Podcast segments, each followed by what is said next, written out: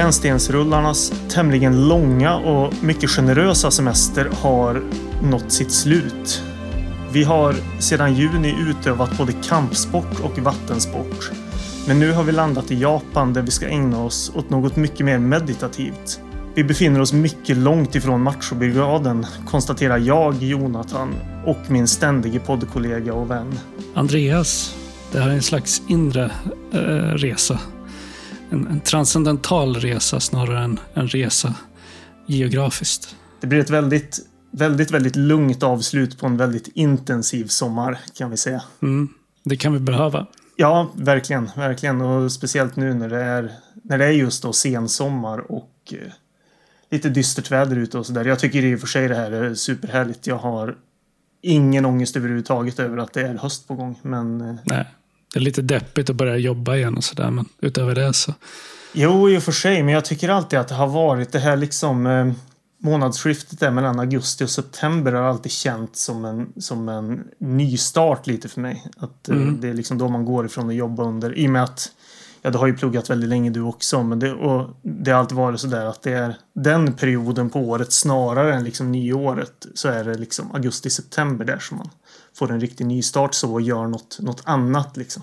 Eh, ja. Så jag tycker alltid att den här perioden är väldigt härlig så. Mm. Hur är läget annars? Nej, men det, det är bra annars. Ja jag jobbar på än så länge. Jag har ju faktiskt semester fortfarande i och med att ja. jag eh, eh är, som Fredrik Segemyhr säger, mellan två jobb. ja, precis. ja. Så, jag eh, har ju sagt upp mig från mitt eh, tidigare jobb och eh, väntar på att börja min nya anställning första september. Så jag har ju faktiskt långledigt den här sommaren. Du har ju i alla fall ett jobb du ska börja på. Jo, det har jag. Det har jag. Jag, jag är de, de, de facto mellan två jobb. Ja, ja, men precis. Så du ägnar helt enkelt tiden åt att se på film, gissar jag?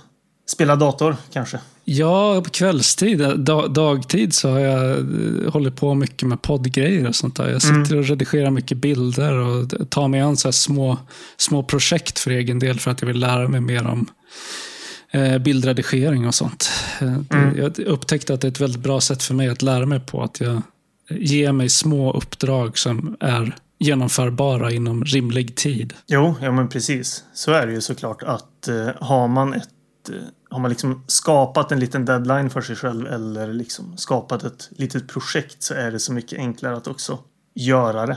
Mm. Det hade nog inte kommit mig för att syssla med musik överhuvudtaget om jag inte hade haft att jag skulle göra små musikslingor till, till alltså material för podden då liksom. Just det. Så det är ju det är liksom lite det är som påtvingade projekt som är väldigt roliga men det är också kul att det krävs något litet för att man ska eller för att jag ska vilja syssla med det lite grann. Jag tror att du och jag är ganska lika på den punkten för jag behöver ju eh, någon slags deadline även om det bara är en påhittad mm. deadline jo, jo. för att få någonting gjort. Och eh, jag kan ha ganska svårt att ta mig an väldigt stora oöverskådliga projekt utan jag behöver mm. liksom har ett stort projekt så behöver jag bryta ner i, i, små, små grejer. Som I det här fallet, om det stora projektet är liksom podden som helhet, så mm. har jag hela tiden små grejer som jag jobbar med inom ramarna för det stora projektet. Liksom. Mm. Jag har ju konstaterat när jag har skrivit små musikslingor nu att eh, dels liksom att det är en har blivit en otrolig sweet spot för mig med typ 30 sekunder musik. och dels att jag inser att vilket helvete det ska vara att skriva musik på riktigt liksom. Ja, tänk att, tänk att göra ett helt album.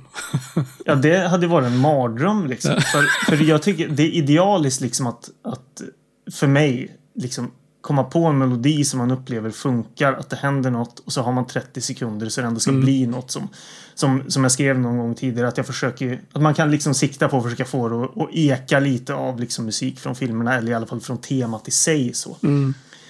Men och då tänker jag att men, om det här skulle varit, fyra minuter gånger tio. Liksom. Ja. så, så, ja, det, det, där ins, alltså jag ser och är verkligen liksom eh, humble inför mina egna eh, tillkortakommanden där. Jag, jag har hittat något som jag upplever funkar för mig och jag mm. kommer absolut inte sikta mot att eh, sträva högre än så på ganska länge. Men det är det jag tycker är så fantastiskt roligt med podden. Mm. Och det eh, hade jag ingen tanke på när vi, när vi startade upp. Liksom, mm. Utan det har så uppdagats med tiden att podden har blivit det här utloppet för all min kreativitet. Liksom. Ja, alla, alla, grejer jag är intresserad av. Oavsett om det gäller musik, eller om det gäller film eller eh, saker som jag skriver. Eller allt. Jag kastar liksom allt på podden nu. Ja, ja eh, precis. och man kan göra de sakerna i en så pass liten skala så att det mm. alltid känns hanterligt. Jag, jag, blir alltid klar med något och får börja på något nytt. För jag är ganska rastlös av naturen. Så, mm. så det, det, är bra att jobba med sådana små, små grejer. Mm. Eh, men från det ena till det andra så var det ju väldigt tråkigt att höra eh, att William Friedkin har gått bort. Ja, precis. Eh, jag tror, var det den sjunde eller var det den sjätte han gick bort? Jag minns inte exakt nu, men vi spelade in den sjunde, det var, augusti. det var igår. Ja, det, det, var den sjunde också. Ja, ja. Vi spelade in där den 8 augusti. Mm. Ja, det var ju väldigt trist. Han är ju dels en otrolig regissör framförallt, men som jag skrev till dig igår också, han är ju också så otroligt rolig att lyssna på i, mm. i intervjuer. Både, både korta och långa. Han är ju liksom syrlig på ett sätt som är en, en oerhört underhållande att lyssna på. Du skickade ju två exempel på, ja. på intervjuer med honom. Dels en där han, eh, det är någon slags här, eh, egentligen samtal mellan honom och eh, Niklas Winding Refn. Ja, jag tror att det är en längre, jag, vet, jag har inte sett hela, men det är en, liksom en längre så här, samtalsintervju mellan ja. de två. Där, där uh, Refn hävdar att Only God Forgives är ett mästerverk. Mm. Och uh, William Friedkin bara vad heter det? Ja, men, sablar ner honom totalt. Mm, mm, mm. Uh, väldigt rolig dynamik mellan de två i, det samtalet. För att, ja, men, som du skrev, då, att, att Refn framstår ju som den här uh, ganska arroganta uh, autören. Men mm. det, det, känns ju ändå som att han gör det med glimten i ögat. Att han är väldigt medveten om vad det är för, vad det är för typ av image han liksom um, strålar ut. Jo, men precis. Uh, han, han känns väldigt väl medveten om att, att vilket spel han spelar där. Uh, så de, de, de riffar på varandra väldigt liksom kul. Ja, och sen den andra intervjun du skickade var också jävligt rolig. Där det är alltså, intervjuare som pratar med uh, en åldrad Friedkin om filmen Cruising. där ja. Al Pacino spelar huvudrollen. Det är ju framförallt att jag har inte läst vad, vad Pacino har skrivit. Jag tror det var i hans biografi, men han var ju liksom inte nöjd med. Jag tror det framförallt var slutet i Cruising. Ja, det är väl den här hur... twisten på slutet som ja. han inte var nöjd med kanske. Och William Friedkins svar då, vad är det? ja, det, det, kommer jag ihåg det exakt nu så säger han att I don't give a flying fuck through a rolling donut. vad Pacino tycker om, om hans slut liksom. Nej, det är ord och inga visor. Alltså. Ja, precis. Han är precis. inte nådig mot Pacino. Det är också nej. kul att han i, i nästa andetag tar Tommy Lee Jones som exempel på ja. skådespelare som han faktiskt skulle vars åsikt han faktiskt skulle bry sig om.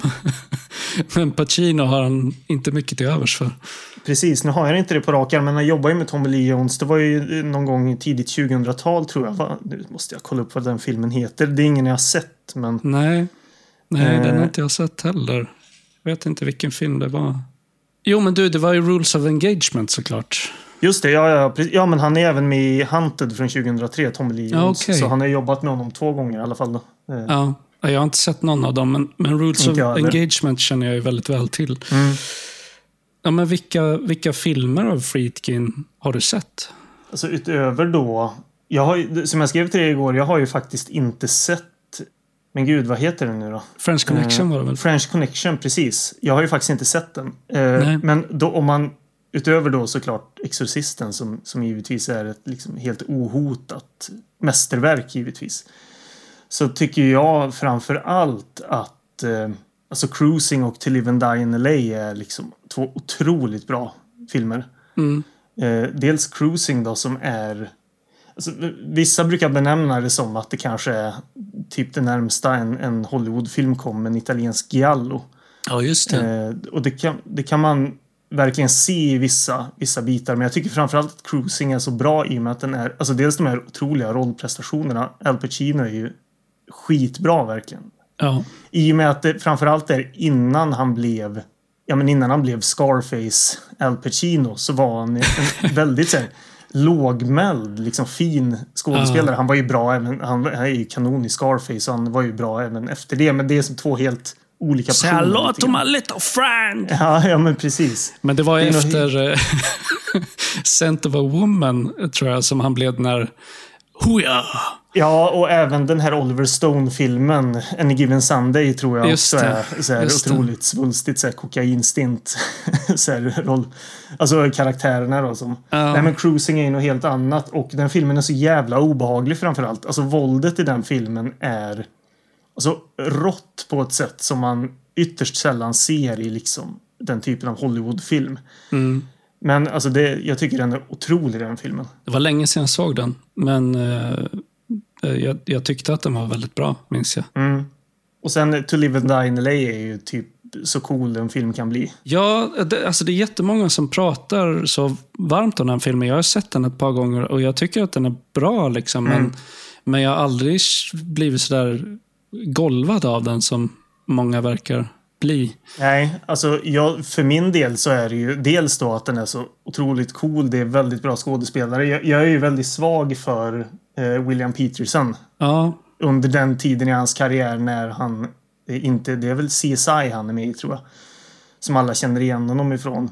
Men det här är ju från den eran då när han var med i, ja men dels To Live and Die in Lay och även Manhunter då när han typ var coolast på jorden. Men sen så är det ju så kul också med, med just To Live and Die in LA Eh, som också känns, det känns igen lite från övriga Friedkin-filmer att den är otroligt nihilistisk. Alltså slutet är en all-timer i den filmen. Sett mm. till att eh, liksom eh, eh, att jorden är förjävlig liksom. Känns det som. Eller människan är förjävlig liksom. Ja, den är otroligt mörk. Ja. Och det är ju imponerande eller liksom stort på något vis att ha en sån film som, som i alla andra händer hade, hade slutat på ett, ett liksom vanligt sätt. Och där är det som att han bara verkligen löper linan ut i och visar på att det finns bara, i stort sett bara svin i den här ja. filmvärlden. Liksom. Uh, om ett svin försvinner så blir det bara ersatt av ett nytt svin. precis, det är den ständiga Lite grann poängen med, med den filmen. ja, ja, men precis. Så, så, nej, men det, jag, jag tycker jättemycket om de två filmerna. Men sen så, jag, jag kan ju bara nämna i, lite i förbigående då. Det, alltså två filmer jag faktiskt har nämnt. Jag kommer inte alls ihåg vilka avsnitt. Men han spelar ju in en erotisk, erotisk thriller då mitten på 90-talet som heter Jade. Som är, mm. Den är skriven av Joe Esterhaz då, som har skrivit så många andra. Alltså Basic Instinct och så vidare. Mm. Eh, jättesleazy och superhärlig liksom. I, i, sett till vad det är. Och sen även då The Guardian eller Djävulens barnvakt som jag nämnde i någon, något skede. Eh, för ett par avsnitt sen som är en, alltså det är ganska långt ifrån hans bästa filmer men det är en väldigt underhållande skräckfilm också. Så här, överraskande köttig som. Så det, det är en, en härlig skräckfilm som man kan se. Tycker jag. Jag har inte sett någon av de två. Eh, Nej. Men däremot Cruising och eh, eh To Live and Die in LA har jag sett. Mm.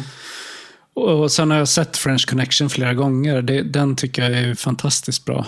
Mm. Uh, så gritty uh, 70-tal, 70-tals New York-rulle. Uh, med Gene Hackman och Roy Scheider i sitt esse. Liksom. Mm. Men den har ju samma ty alltså, Det som du beskrev med To Live and Die in LA, det här med att eh, Friedkin visar upp liksom eh, mänskligheten som väldigt eh, förtappad. Alltså ja. förlorad. Liksom. Det, det, är ju genomgående i, eh, jag tror egentligen alla filmer som jag har sett av honom. Det, det, de bottnar ju i ett väldigt mörker. Alltså. Mm. Eh, även French Connection. Eh, Exorcisten var det skitlänge sedan jag såg. Så jag har faktiskt inte så jättetydliga minnen av den förutom vissa specifika eh, scener och sådär. Jag borde se den igen. Mm. Just det, vi får inte glömma Sorcerer också. Fruktansvärd. Nej, precis. Eh, den är ju skitbra. Och jag gillar även originalfilmen. Wages of Fear, va? Heter mm, den? Originalet. Ja. Men, men Sorcerer är ju liksom en tajtare historia. Ja, precis. Jag har inte sett den. Jag älskar Tangerine Dream soundtracket. Eh, men jag har inte sett eh, filmen i sig. Jag har ett, ett ganska coolt tidningsurklipp inramat hemma med just en sån här eh, alltså en, en, reklam för då Sorcerer eh, Score, oh, ska ju sägas att det är. Får, kan du inte ta en bild på den sen när du är tillbaka hemma och, och lägga ut den? Det ja, det, kan, det kan jag göra. Eh, det var någon, någon riktig stjärna på Tradera som sålde jättemycket liksom, skitcoola gamla tidningsurklipp. Jag har två okay. helsidesannonser för Tangerine Dream eh, skivsläpp inom ah, på väggen. Och sen även då den här lilla Sorcerer-reklamen liksom. Ja. Eh, men det är skitbra filmer. Men sen av hans eh, nyare filmer så har jag sett dels eh, Killer Joe som jag tror att jag nämnde också för något avsnitt sen. Mm. Skitbra film och den, likaså den otroligt mörk. Framförallt så har den ju några slutscener som är, ja, är men, jävligt läskiga. Mm, jag håller med, den är kanon. Och sen eh, eh, Bug från 2006. Mm. Som väl inte är en av hans bästa filmer, men jag tyckte att den var väldigt eh, intressant, om inte annat. Den, eh, vad ska man säga, porträtterar ju eh, psykisk ohälsa på ett ganska intressant sätt. Eh, mm. Obehagligt sätt. Jag minns det som att jag tyckte väldigt mycket om den, men det var säkert tio år sedan jag såg den. Mm. Man kan ju nämna att han har ju, det är ju Tracy Letts som har skrivit båda de filmerna. Det är ju pjäser från början, både Bug och Killer Joe. Just. Eh, och minns jag rätt nu ifrån den, det, det, vill jag ju säga också, han, Friedkin var ju med i Mark Marons podcast för, det var nog fem sex år sedan vid det här laget. Mm. Alltså i ett avsnitt som nästan är två och en halv timme långt som är, alltså det är oerhört eh, värt att lyssna på liksom. Skitbra. Men där tror jag att han nämnde också att han i stort sett bara har liksom regisserat eh, operor på senare år. Han mm. bodde i Italien tror jag. Eh, så det, det känns lite liksom i samklang med också att han framförallt har liksom filmatiserat pjäser och sånt på senare år också. Mm. Ja, nej, så det är deppigt att han har gått bort. Det är ännu en liksom, unik eh, röst som har tystnat. Ja, verkligen. Det, jag, han hade ju en film på gång, i alla fall enligt Letterboxd. Eh, den hette Kane Mutiny Court Marshall. Som, det står 2023. Och den har ju en, en eh, castlista och allting med Kiefer Sutherland till exempel. Jason mm. Clark och så vidare. Så man, kan ju, man undrar ju om det var något som var eh, färdigt liksom och bara på gång och slussas ut kanske. Precis, det kanske ges ut på stumt. Jag har dålig koll på det, men det står att den är completed på IMDB jag kände inte till den alls förrän nej, alltså, bara för ett par veckor sedan stötte jag på den. Liksom. Mm. Uh, så nej, men man får väl se helt enkelt om det, ja. om det är något som släpps framöver. Uh, men jag, jag, tycker också att man kan nämna regissören Alexandre O. Philippe som har gjort ganska mycket filmdokumentärer. Dels då om Alien och David Lynch och så vidare. Mm. Gjorde en väldigt bra dokumentär som heter Leap of Faith, William Friedkin on the Exorcist. Och det är ju delvis liksom en dokumentär om Exorcisten och den inspelningen. Eh, men även då som det, som det beskrivs här att det är en, en lyrical and spiritual cinematic essay runt mm. The Exorcist som är väldigt, väldigt bra. Och den finns att se på cineasterna så den kan man absolut se. Den ska jag kolla in. Den känner jag inte till. Mm. Uh, ja, men till, till, en roligare nyhet är ju att vi har firat tvåårsjubileum också. Mm den 3 augusti, tror jag det var. Eh, jag upptäckte ju det här av en händelse för att jag, ja. jag råkade gå tillbaka och se i flödet att, eh, alltså i poddflödet att eh, vår, vår första episod var, var postad 3 augusti för två år sedan. Vi hade ju spelat in avsnitt bara någon dag efter det eller vad det var eller om det var en dag innan. Det jag sa att vi för nästan exakt två år sedan pratade om filmen Shoot to kill. Men, men även fast jag tänkte på det så tänkte jag överhuvudtaget inte på att podden därmed också är två år gammal. Ja, men det var ju extra, alltså, vi, eh, vi råkade ju lägga ut det också exakt den 3 augusti. Jaha, det var det så? Ja, okay. Vårt senaste avsnitt kom ut 3 ja, augusti, det, det så det var exakt två år efter. Och i det avsnittet refererar vi till vårt första avsnitt eftersom du drog paralleller mellan eh, The River Wild och Shoot to Kill som vi pratade ja. om i första avsnittet för två år sedan. Så det var ju liksom ett omedvetet eh, det, ja, det var som att eh, stjärnorna stod rätt för att vi på ett omedvetet plan eh, eh, återknöt till vår vårt allra första avsnitt. Ja, hade man varit, varit liksom eh, skrockfull så hade man sett något tecken i det där. Mm. men, men, det var bara ett kul sammanträffande. Ja.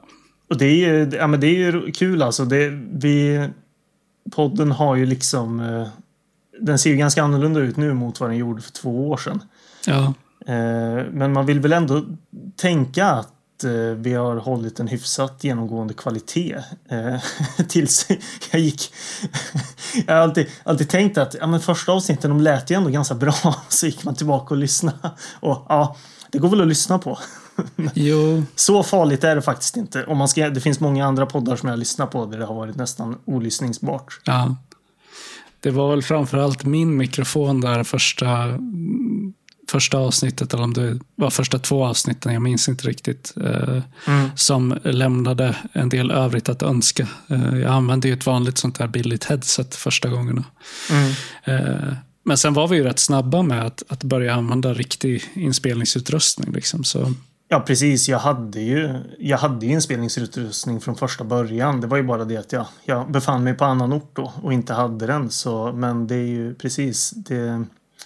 Vi föll in väldigt snabbt i att ändå hålla ljudkvaliteten uppe. mm, Eh, Men sen så har det ju, ser ju podden ganska annorlunda ut nu på andra sätt också. Som. Vi, vi har ju lyckats komma in i en utgivningstakt framför allt. Ja, precis. Så vi, vi har testat lite olika upplägg och struktur på avsnitten under de här två årens gång. Och nu känns det väl som att vi eh, långsamt börjar landa i någonting som kanske blir en mer permanent, eh, ett permanent upplägg. Ja, verkligen. Och jag kan ju känna också att nu när vi kör en film per avsnitt så känns det konstigt att tänka tillbaka på att man en gång har kört tre.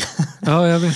på sätt och vis är det som att man skulle vilja liksom gå tillbaka och fiska upp filmerna man tycker bäst om och göra nya avsnitt om så man Ja. faktiskt ger dem den, den, den energin som, som de egentligen är värda. Så. Eh, Ja, Det är väl lite därför vi har vår kanonlista också då, i och för sig. Eh, jo. men eh, det, det ja, så precis som du säger, vi har liksom hittat en form nu lite grann som funkar helt enkelt. Och det är jättekul att se att, att vi har eh, en del lyssnare som har varit med ända sen första början och fortfarande hänger kvar. Liksom. Så det är vi väldigt glada för. Vi passar på att tacka alla som, som lyssnar. Ja, verkligen. Det är jätteroligt. Ja, eh, precis. Så eh, vi, får vi hoppas bara att vi alla kära lyssnare vill hänga med även i framtiden. Vi kommer, vi har ju som vi nämnde på Instagram någonstans att vi har ju faktiskt hela hösten färdig redan. Ja. Kanske att vi ska flytta om lite hit och dit men vi, vi fortsätter i samma takt helt enkelt. Och eh, vi har höstens filmer hyfsat färdiga så det är bara att följa med. Det kommer eh, det blir spretigt även fortsatt men det är ju precis det som är poddens funktion. Så, Det är så det ska vara. Ja, Jag har precis. fått lite... Jag, jag har fått lite eh, lyssnarkommentarer här eh, efter sommaren om att det, det blev lite för grabbigt ett tag. Och eh, Ja. vi, vi får väl försöka eh, väga upp det nu under hösten. Då. Jo, precis. Men det var ju också... Det, det gick väl... Vad ska man säga? Det blev liksom, gick lite hand i hand med det här att man stänger av hjärnan i, i, under sommaren och, och som vi har gjort nu, ägnat oss åt så mycket kampsport och så vidare. Så. Men nej, nu, nu slår vi på den eh, analytiska, högfärdiga och elitistiska eh, hjärnhalvan igen och eh, fortsätter med att prata om eh, undangömd och eh, bortglömd film helt enkelt. Mm.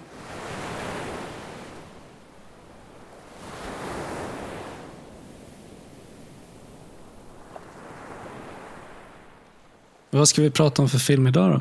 Vi ska prata om August in the Water från 1995. En film som jag såg första gången för eh, var nog ungefär nästan exakt tre år sedan faktiskt. Mm. Eh, 2020 och eh, blev väldigt eh, tagen av då. Eh, och är fortsatt väldigt, eh, väldigt tagen av den här filmen. Så det är väldigt kul att prata om den. Hur, eh, hur hittade du den här filmen? Alltså på någon letterboxd-lista som Okej. med så många andra. Eh, jag, jag hade ju lite koll på regissören innan i och med att jag var... Vi ska prata om cyberpunk ganska Mm. snart. Eh, även fast det här inte är en cyberpunkfilm så är det svårt att liksom ducka det i och med att regissören av den här filmen är så liksom, eh, viktig för den genren. Men i och med att jag hade intresserat mig för den genren innan och så hade jag liksom stött på regissören och i något skede när jag snurrade på någon letterbox-lista så stötte jag på den här ett par gånger. Och eh, såg den till slut och tyckte den var otroligt bra, helt enkelt. Mm. Man kan väl egentligen säga att den här filmen, den har ju fått ett uppsving nu, ganska ordentligt sådant, eh, Mm. bland liksom en internet-crowd. Och den känns på många sätt som ganska, den platsar väl i samtiden på något vis. Liksom Mm. Sett till alltså, musikgenrer som är alltså, populära. Liksom. Dreampop och så vidare. Den känns ganska, förmodligen mycket mer nu än vad den var när den kom. Mm. Eh, att den platsar liksom.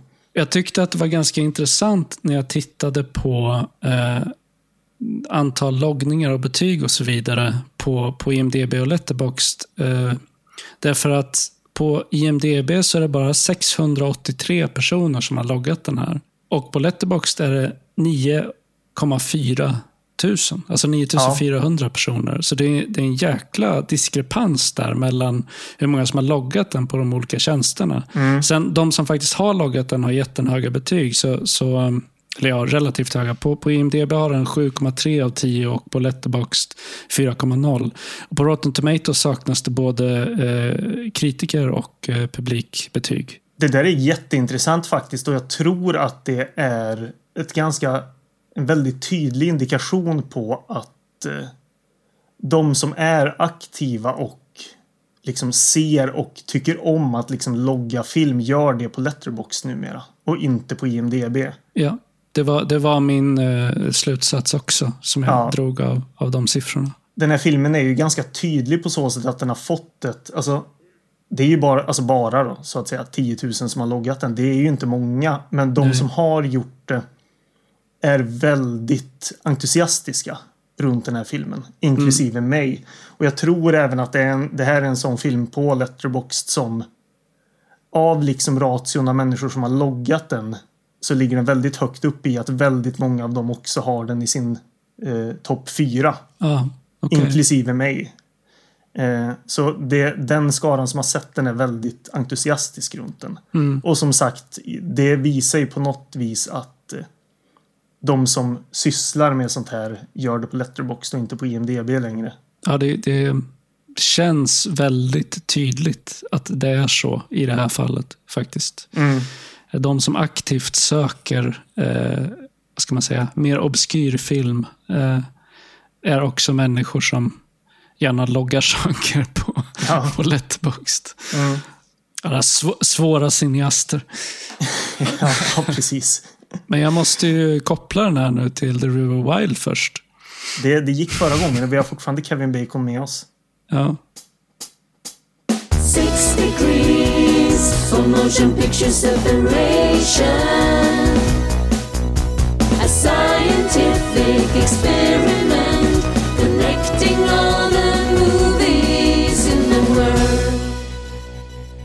Har, har du någon så här spontan gissning på, eh, på vilken kopplingen Alltså är? grejen är att jag var så pass nyfiken så jag har faktiskt varit inne och smygkikat lite själv. Jag tyckte den här Ja. hemsidan du hade tagit fram förra gången var, lät ganska spännande. Så jag har faktiskt varit inne och smygkikat. The Eh, men jag Oracle of inte alls- Bacon. Precis, men jag vet inte alls vad du har valt. Liksom. Nej, för den, den, eh, det samband som jag till slut landade i eh, mellan The River Wild och August in the Water var då eh, ja, men steg ett, The, the River Wild från 94. Kevin Bacon spelar eh, en av huvudrollerna då. Och Han gjorde en av sina första filmroller i tv-filmen The Gift från 79. Där han spelar mot bland annat Glenn Ford. Och Ford är också med i den japanska dystopifilmen Virus från 1980. Eh, där han har en liten roll som president Richardson. Och i The Virus spelar också Masao Kusakari en huvudroll. Eh, Kusakari som också spelar delfininstruktören i inledningsscenerna av August in the Water som vi ska prata om idag. Så det var den kopplingen jag landade i. Men du hade hittat andra, andra då? Nej, men det var, ja, det var en av dem jag hade liksom scrollat förbi också. Det, det var, den här var ju kul den här sidan faktiskt. För det blev eh, alltså dels en, såna här kopplingar som ändå är förhållandevis raka liksom. Och sen att det kunde vara ganska så här, snurriga kopplingar. Ja, verkligen. när, när jag provade att eh, söka lite just i och med att jag blev så nyfiken då så insåg jag att det största problemet med att söka samband mellan de här två filmerna var ju att The Oracle of Bacon inte liksom kände igen nästan varken skådespelare eller filmen man sökte. Jag vet inte hur du hittade sambandet men jag sökte då den skådespelerskan som fanns med på den sidan var Rena Komine som spelar en roll i den här filmen. Det var, det var hennes namn jag använde också när jag sökte samband. Ja, man kan ju tycka att det är liksom eh, alltså enorma eh, liksom avstånd mellan mm. River Wild och August in the Water men det, det räcker med liksom hur många steg blir det här officiellt kan man säga? Det blir ju eh. fyra steg. Väl? Ja. Uh, the River Wild, The Gift, Virus, August in the Water. Så, eller ja, fyra filmer liksom. Sen när man räknar det som tre eller fyra steg. Det är där de tvistar. Uh, de lärda kanske. Ja, Men precis. vi får ju se till alltså, att efter när vi ska göra den här typen av, av Eh, väldigt eh, konstiga kopplingar eller långa liksom, hopp eh, från den ena liksom, filmkulturen till den andra eller historien så får vi se till att Kevin Bacon är med i den ena filmen. ja, precis. så, så, vi kan använda den här sidan. vi, man måste tänka i förväg då när vi liksom sätter upp schema för podden. Att vi, vi, blir det för mycket liksom? Ja, då får vi se till att någon... Kevin Bacon är med. precis. ja, men det, det är en bra ledstjärna liksom.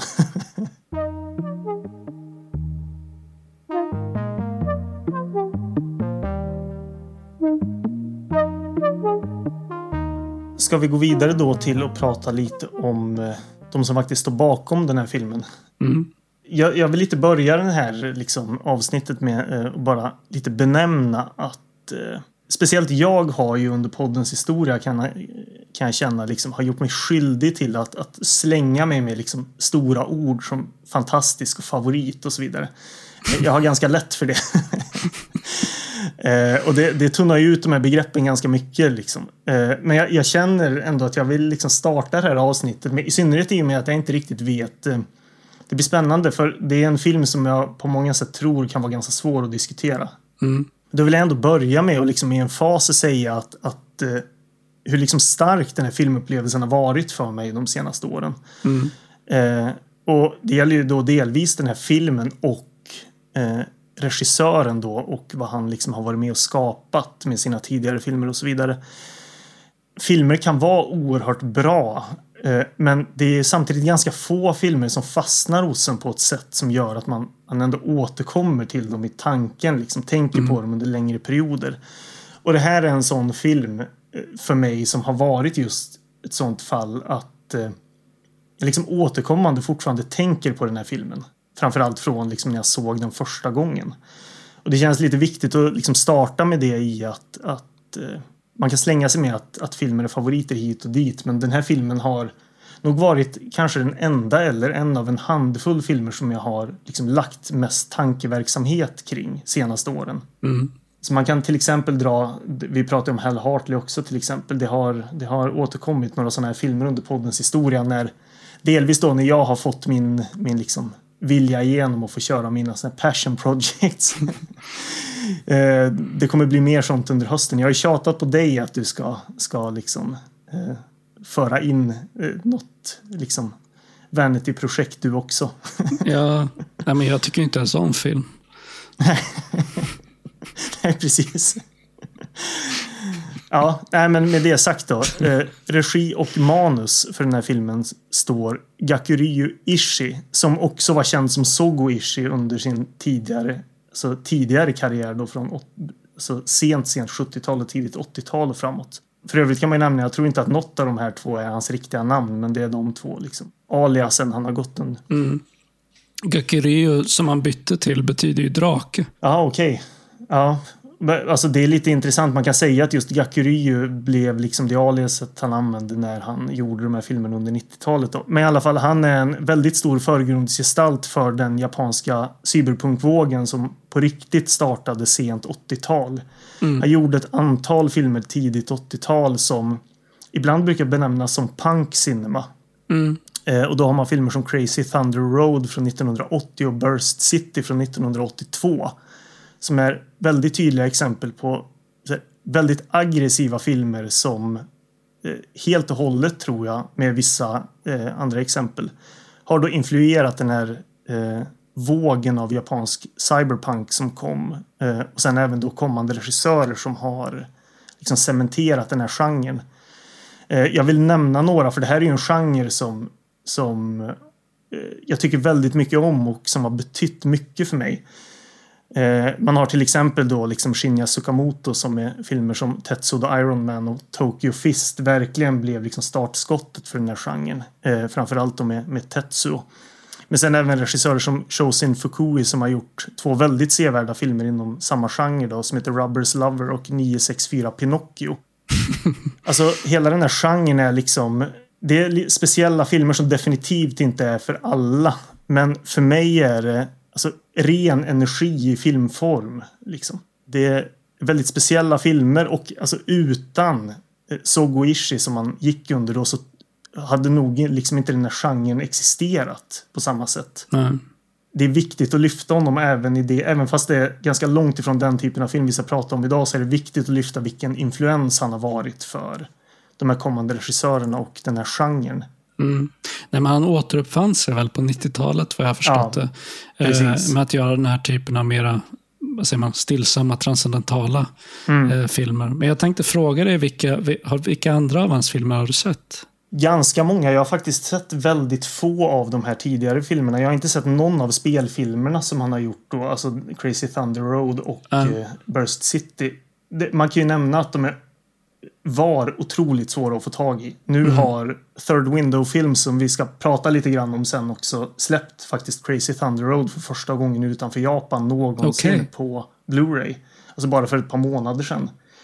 Men jag har ju framförallt sett då, alltså de här 90-talsfilmerna har jag sett alla. Eh, som jag ska nämna ganska snart. Sen även några senare, Mirrored Mind till exempel. Av de här tidigare mer liksom, aggressiva filmerna så har jag dels sett då en kortfilm han gjorde som heter Shuffle från 1981. Mm. Och sen även eh, en film som heter antingen Asia Strikes Back eller The Strike Back of Asia som var en, en film han gjorde som framförallt tror jag nu skulle användas som backdrop för hans punkband när de spelade. Det. Eh, så det, det är också en kortfilm på 30 minuter då som, som är så här, otroligt aggressiv. Mm. Enligt Letterboxd så handlar den filmen om At an isolated location training camp for soldiers with supernatural powers makes a, makes a man revolt causing a war to break out among the soldiers. Men det är liksom det är mer en, en liksom aggressiv mood piece för att spelas bakom ett band än vad det är en, en riktig film. Eh, men det är eh, det, det jag älskar det liksom. Det är, eh, det är oerhört speciella filmupplevelser men det är också så här, oerhört starkt för mig tycker jag. Mm. Eh, Men annars så är det hans senare filmer jag egentligen har fokuserat på. Liksom. Men jag är väldigt nyfiken på de här tidigare filmerna också. Jag gick, kom in i den här genren liksom lite i dess guld... Eller jag har ju sett mest filmer från genrens guldålder och, och lite mindre av de här riktigt tidiga. Då. Men han började väl som punkmusiker, eller hur? Innan Ja. han eh, eh, liksom plockade upp en filmkamera.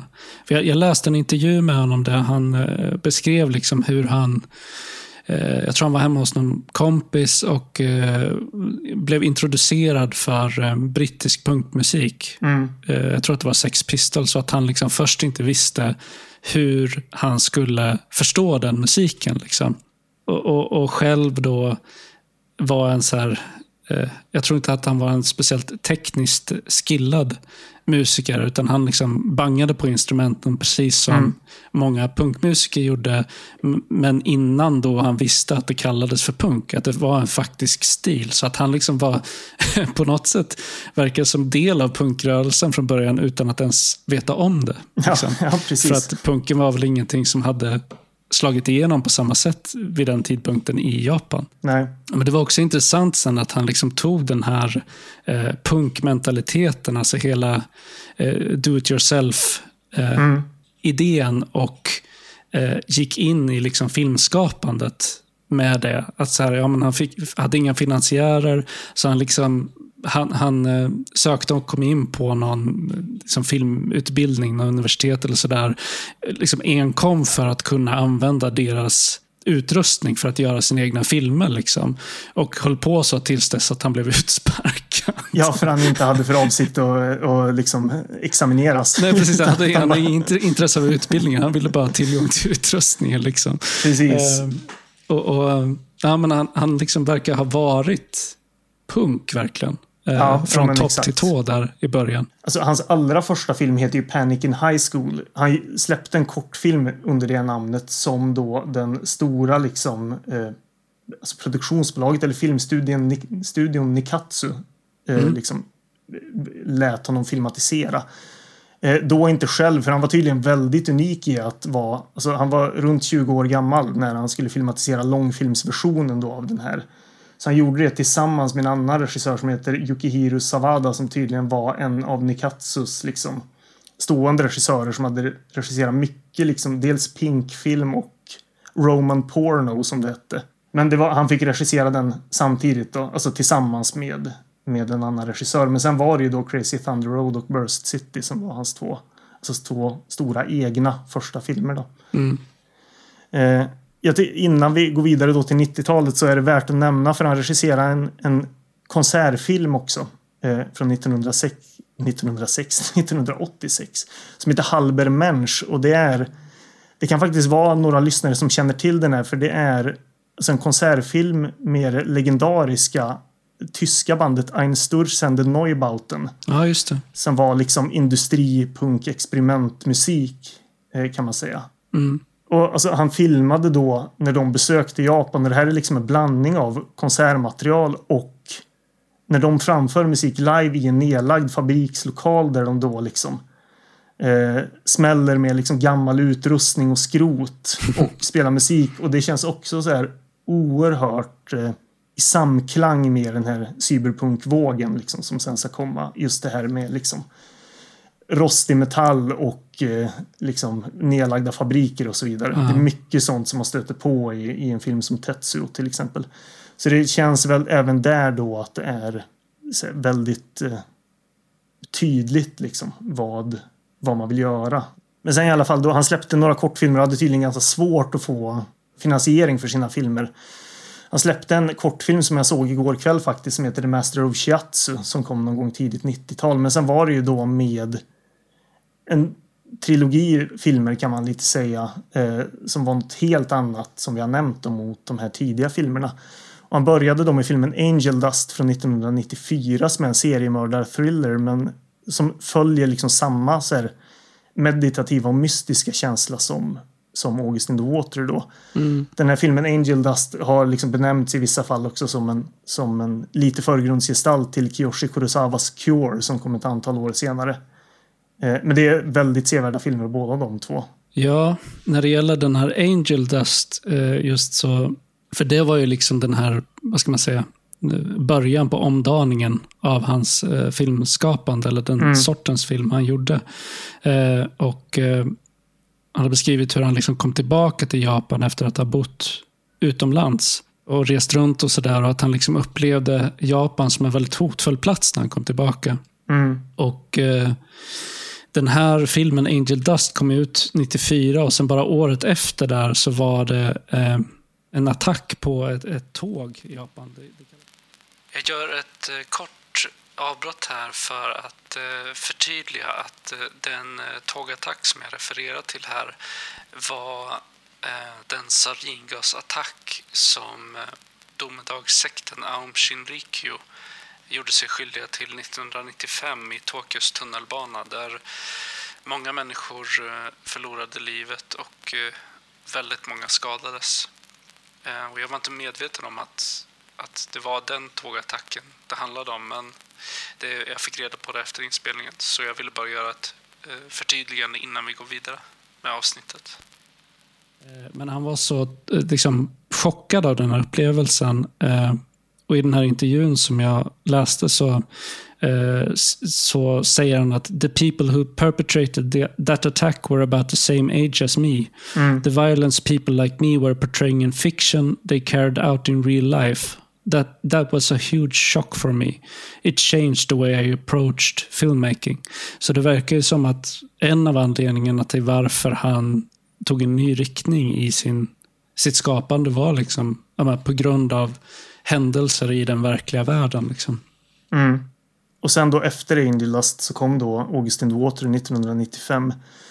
Eh, och sen avslutande del, om man nu ska kalla det för en slags trilogi, så kom Labyrinth of Dreams 1997 som även det är en så här väldigt liksom mystisk thriller om, som handlar om en kvinnlig busskonduktör som misstänker att chauffören på bussen är en seriemördare. Den här filmen är filmad i svartvitt så den är ganska stilistiskt sett annorlunda. Då. Men det, jag har sett alla tre de här filmerna och det är tre väldigt sevärda filmer. Ja, framförallt mm. August in the Water såklart men även då Angel Dust och Labyrinth of Dreams. Um, efter det här så har han gjort ganska blandade grejer. Han håller på med någon film nu. Men jag tänker att det sista man kan nämna är filmen Electric Dragon 80 000 volts från 2001. Mm. Som verkligen är en sån här eh, total eh, återgång till hans eh, punk och cyberpunk eh, filmhistoria. Liksom. Mm. Det är också en sån film som jag faktiskt tror att om man överhuvudtaget är intresserad för sig för den här typen av film så har man nog stött på den här. Jag har inte sett den själv men det är en väldigt populär film på så sätt. Så det kan vara att, att eh, det är några av våra lyssnare som faktiskt har stött på den här i något skede. En ganska intressant aspekt av hans eh, regikarriär är ju att han verkar ha haft större framgång internationellt än vad han haft i sitt eget hemland. Åtminstone vad det gäller att, att få sina projekt finansierade. Jag tyckte det var intressant just eftersom han kom från en bakgrund som ja, men inom punken, vilket ju var en västerländsk kulturyttring från början. Mm. Och sen när han kommer in i det och börjar uttrycka sig på det här sättet, även om han kanske inte... Eh, han verkar ju snarare ha hittat till punkmentaliteten eller punkestetiken inifrån snarare än att han har anammat liksom redan färdigpaketerad punk som kom från väst. Men trots det mm. så är det som att han ändå har eh, haft kanske störst eh, beröringspunkter rent uttrycksmässigt med människor som har, har skapat och verkat utanför Japan. Mm. Eh, jag vet inte hur det är nu, men det, det var väl åtminstone så som man upplevde det tidigare i sin karriär tror jag. Ja, det är intressant det där. Jag vet faktiskt inte. Alltså man kan ju bara se det ur ens eget perspektiv givetvis. Eh, och egentligen ett västerländskt perspektiv på så sätt. Jag vet inte, alltså de här, dels då hans filmer och sen den efterföljande då liksom vågen med cyberpunk-filmer. Jag vet inte riktigt eh, alltså hur populärt det var inom Japan. Det är klart det måste Nej, ha varit populärt i och med att de har producerats. Liksom. Ja. Eh, eller om det är något som har Alltså om det är något som har blivit mer populärt på senare år. Då mm. är, alltså, mång, jättemånga av de här filmerna har släppts i jättefina utgåvor. Så det är klart det är filmer som är oerhört populära nu. Jag menar, jag, jag såg Tetsu Iron Man på Cinemateket i, vintras. Mm. Så, eh, vilket var väldigt speciellt. Eh, men eh, jag vet liksom inte, det är svårt att veta hur, hur stor marknaden var för de här filmerna då. Och eh, alltså bara utifrån det faktum att det är ett, ett, alltså en annan filmmarknad och så kan man ju bara spekulera i lite grann. Men det, det... Och jag har ju inte någon vidare koll på det här överhuvudtaget. Så jag spekulerar ju verkligen bara. Men jag, jag tycker att det, det är intressant. Liksom. Någon gång i poddens framtid ska jag, ska jag cramma in att vi ska se någon sån här eh, cyberpunk-film. Jaha, ja, jag, jag, vet inte under vilken flagg eller hur det ska gå till. Men vi. Jag har ju sett ganska mycket anime och sådär. Eh, framförallt i tonåren så jag är mm. inte helt obevandrad inom den japanska liksom, film eh, och seriekulturen. Men, men eh, just när det kommer till de här regissörerna och den här typen av film, det har jag inte sett mycket av alls. Alltså. Nej, jag vet inte vad du, om du skulle tycka om det. Det beror lite på vad, alltså om du... Det beror på om man uppskattar det här, alltså att som tittare bli attackerad lite grann av, av filmen. Eh, mm. Tycker man om det, vilket jag gör, så är det ju oslagbart.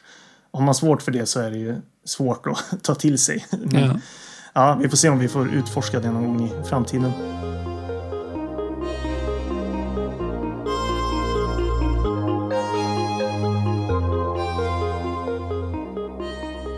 Men om vi ska prata om skådespelarna då. Jag kan ju börja med att säga att genomgående för i stort sett alla de här skådespelarna är ju att de också har skådespelat i filmer.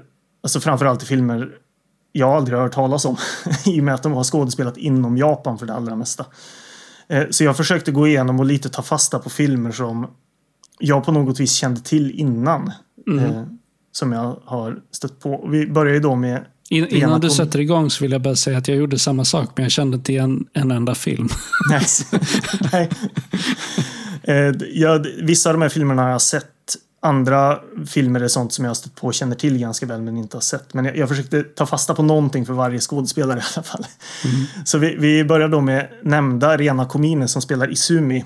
Eh, hon är med i Labyrinth of Dreams som vi har pratat om. Hon har även en roll i Sion Sonos film Into a Dream. Eh, och någon slags Kamen Rider film eller uppföljare. Annars var det inget jag kände till överhuvudtaget som hon har varit med i. Eh, sen har vi filmens andra huvudroll, Shinsuke Aoki, som spelar Mao. Och det, hans enda credit som jag överhuvudtaget kände till är, lustigt nog, filmen Mr Baseball från 1992 med Tom Selleck. Ja, den såg jag också. Jag, det, ja, det var märkligt tyckte jag att den dök upp där i hans filmografi. Men, Ja, den har den otroliga svenska titeln En buffel i tehuset. det, om jag förstod det rätt är det en film där Tom Selleck jag, jag fattar inte om han var manager för ett baseballlag eller om han faktiskt spelade baseball. Men han ska i någon form liksom spela i ett japanskt baseballlag. en tehuset som alltså drycken te. ja, precis. Okej. Ja. Det är en svag och liksom svag Japan-referens. ja, verkligen. Tom Selleck är amerikan, han är en buffel och fan i Japan så har de ett tehus. Det skulle ha varit typ en buffel i sushin eller ja, precis. istället. Eh, jag, jag har inte sett den här men jag blir lite nyfiken. Eh, sen ser vi då eh, Masaki Takarai som Ukya, då Maos kompis. Han är med i filmen Swing Girls från 2004 som är regisserad av Shinobu Yaguchi. En film som jag tror många tycker väldigt mycket om. Jag har stött på den här på Letterboxd till och från när jag har liksom sökt efter filmer att se men jag har, har inte sett den. Det är en ganska kul eh, synopsis till den här filmen för det står så här på letterbox då. A tale of delinquent and lazy schoolgirls girls. In their efforts to cut remedial summer math class they end up poisoning and replacing the school's brass band.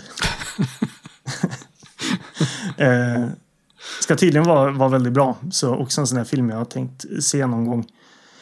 Sen ser vi då Reiko Matsuo som Mickey. Och hon var också med i Labyrinth of Dreams. Men hon har varit med i Shunji Iwais väldigt bra film Hannah and Alice som kom 2004. Eh, Shunji Iwai är en väldigt bra regissör generellt sett. Framförallt då en film som eh, All about Lily Choo Choo som är otroligt bra. Eh, men den Hannah and Alice såg jag för ett par år sedan och den är väldigt bra.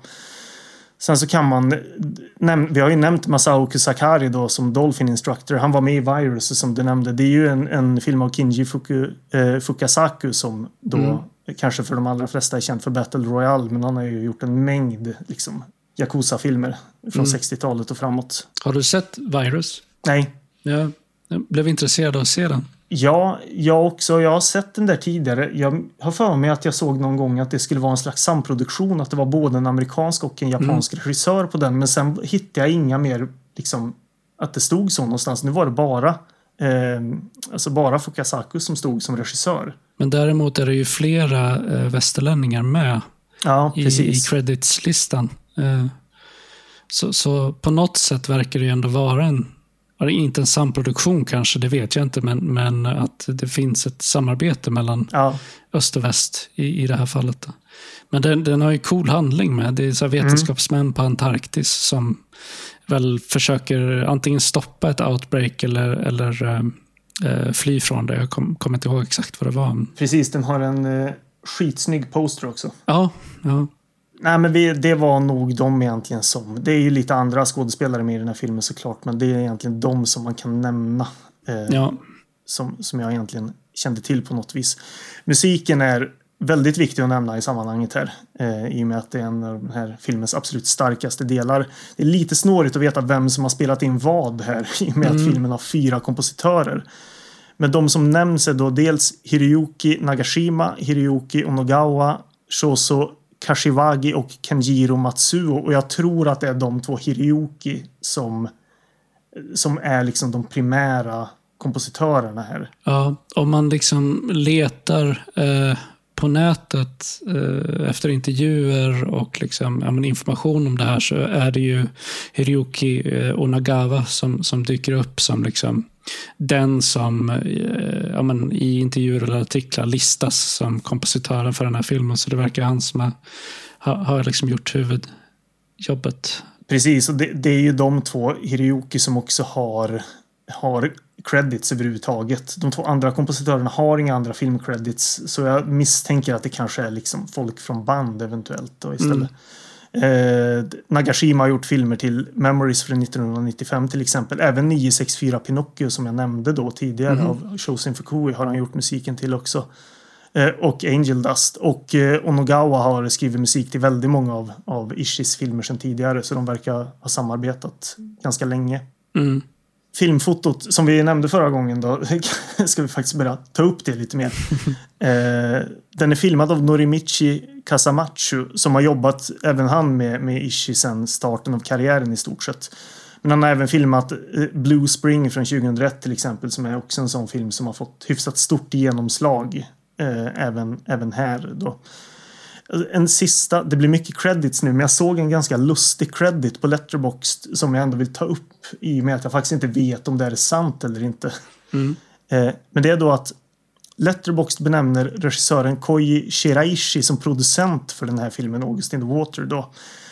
Eh, samtidigt står det på Koji Shiraishis Wikipedia-sida att han snarare var assistant director på August in the Water. Eh, och det är inte så tydligt vad det faktiskt är som stämmer där. Det finns ju inte stora mängder information om den här filmen överhuvudtaget.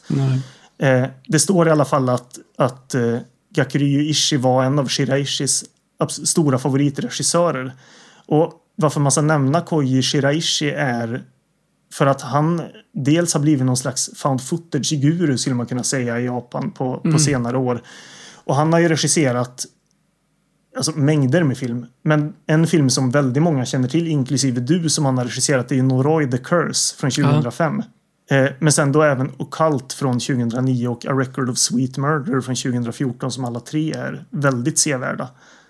Om man överhuvudtaget har jobbat på August in the Water vet jag inte. Men eh, det, det, det verkar, på något vis så verkar han ha varit inblandad i alla fall. Eh, Såg inte du och John och Roy the Curse tillsammans för en massa år sedan? nej, jag tror inte det. Vi såg ju de här eh, The Grudge tv-filmerna. Ja, just det. Så var det.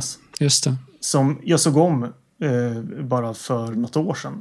Mm. Som är så jävla bra. Ja, Speciellt skitbra. om man jämför med spelfilmen så är ju de här tv-filmerna otroligt obehagliga. Mm. Det är bra längd på dem också. De Ja, är typ precis. en timme långa eller så. Ja, det är exakt. bra. Mer exakt. sånt. Definitivt första filmen där ska man se. Tvåan är, är rätt bra också men den första är ju riktigt, riktigt stark. Mm. Men ja, nu innan vi då faktiskt eh, tar oss, kommer in till den här filmen så eh, vi har ju ingen recension överhuvudtaget den här gången heller. Nej, däremot har jag fått en handskriven lapp eh, skickad till mig här eh, från Mm. redaktionen. Som eh, jag ska läsa ifrån. Då. Jag, inte, jag vet inte vad det står på den här lappen, så vi får se. Men eh, det är ju alltså då ett meddelande från den här eh, eh, recensenten som, eh, som vi har eh, citerat tidigare när vi har saknat Bonniers recension. Och det står bara eh, ej sett, eh, omöjlig att hitta. Ja, ja. Det är ju lite slappt kan man tycka. Ja, verkligen. Samtidigt så har ju faktiskt vår, vår ständige recensent en slags poäng här. Eh, Mm. I att den här filmen är ju väldigt otillgänglig.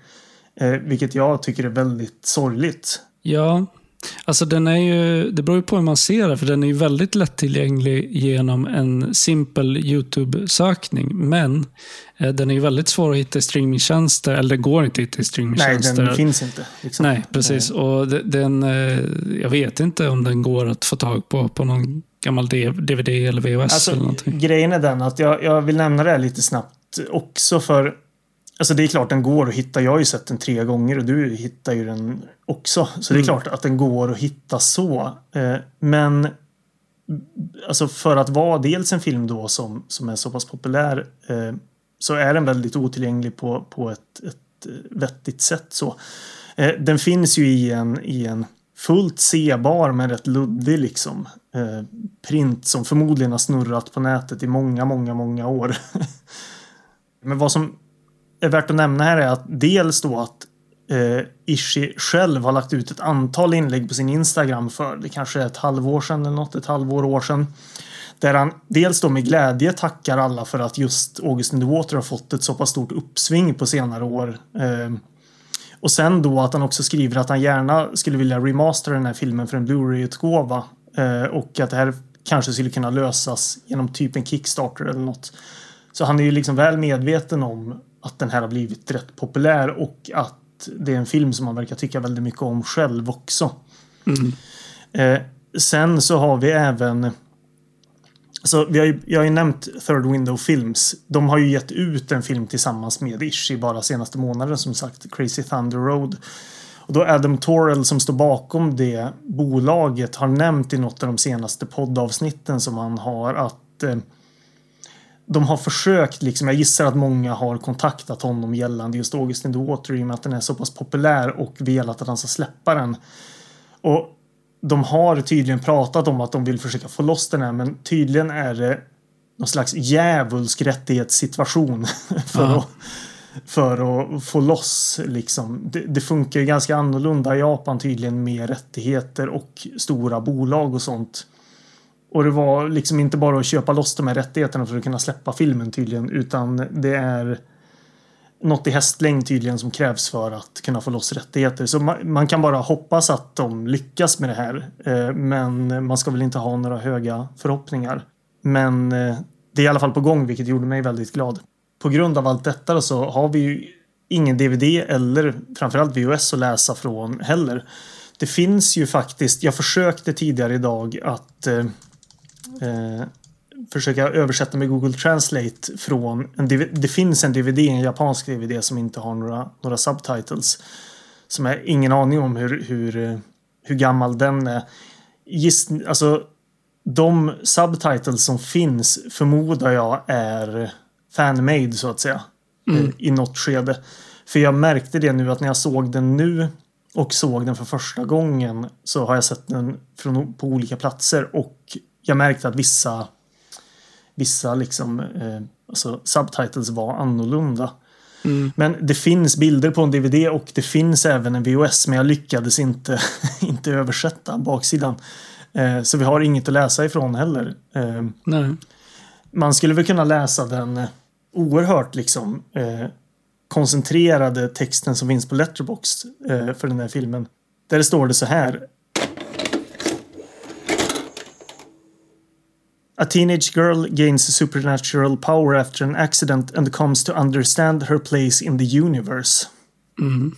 Är, är eh, handlingen för den här filmen. Det är ju inte en jättelätt handling att sammanfatta heller. Alltså handlingen Nej. är väl lite så här sekundär för eh, stämningen i filmen. Ja, verkligen. Eh, Det här är definitivt så.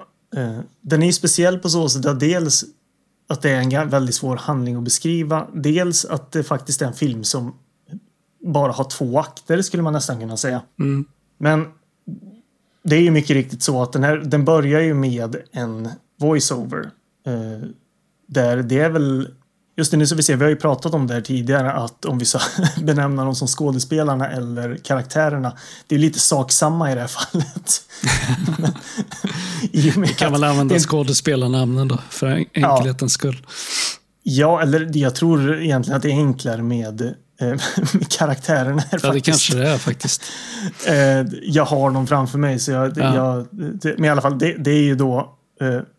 Eh, det börjar med en voiceover. Jag tror väl att det är Mao, den manliga huvudrollen, som, som berättar om den här Storyn startar ju med att det har slagit ner två meteoriter utanför den här japanska staden. ehm, som har medfört en slags eh, mystisk sjukdom som har drabbat den här staden.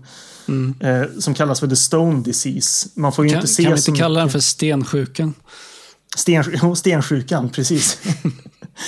eh, stensjukan har drabbat den här staden. Då. Man får inte se så mycket av den här till en början men eh, man förstår det som att det är något som de här meteoriterna medfört.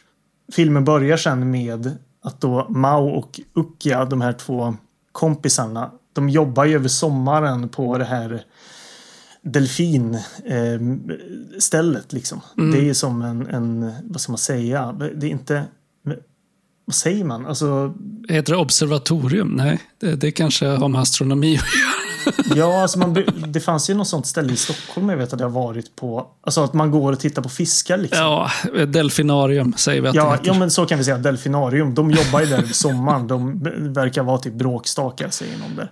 Men Ja. det är då också en, en mystisk tjej som ska börja i deras skola som simmar i eh, det här delfinpoolen. Liksom. Mm.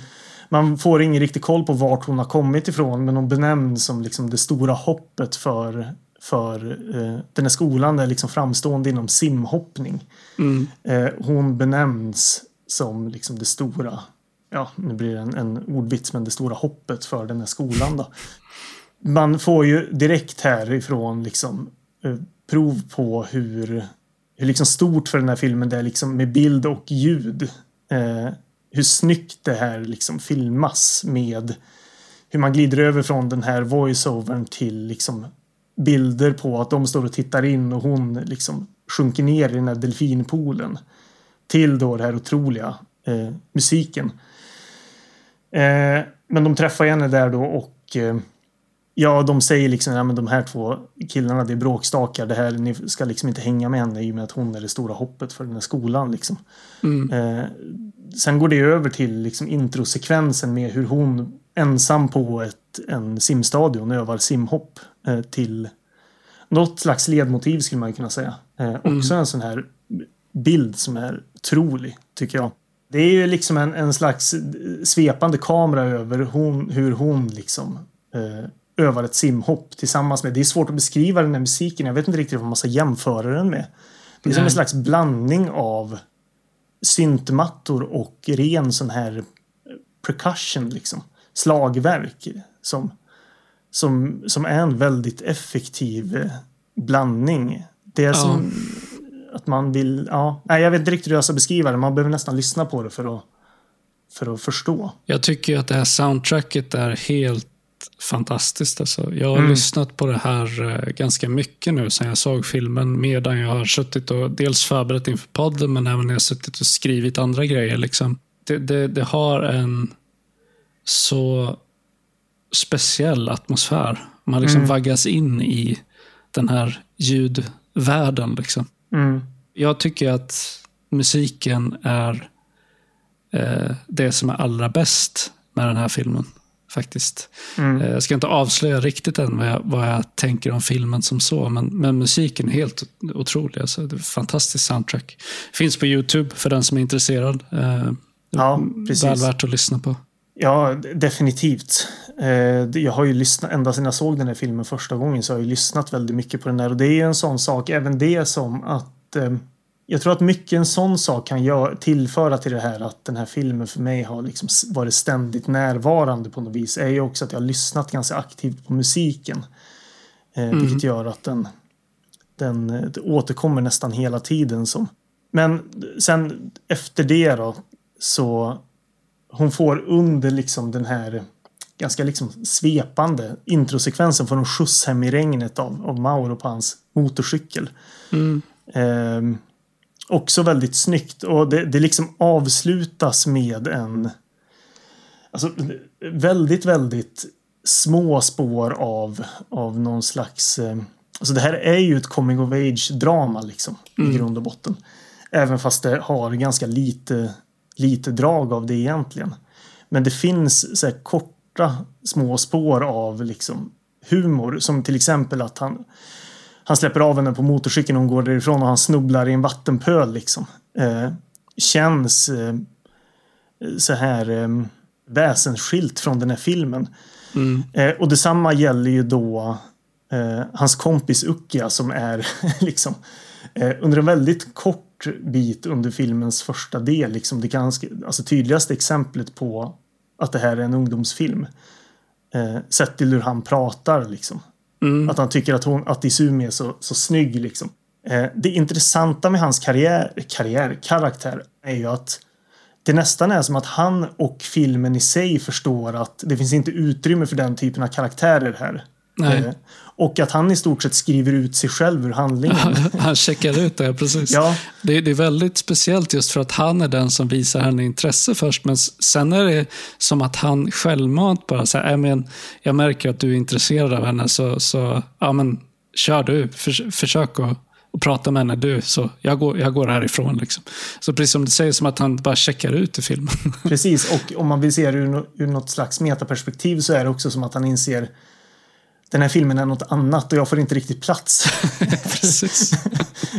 han är ju med i resten av filmen. Han har ju en biroll, men den typen av så här eh, teenage-komedi finns liksom inte här. Och eh, det är som att han tillsammans med regissören och manuset fattar det liksom. Ja, det, det återkommer ju en scen som jag minns det på slutet, där eh, när det äntligen regnar. För den, Ja, här, den här staden är utsatt för sån extrem torka. Ja. Och så på slutet så kommer äntligen regnet och då springer han runt på skolgården och skriker äntligen kan jag spola i toaletten. Precis, precis. Äntligen kan jag spola i toaletten. Liksom.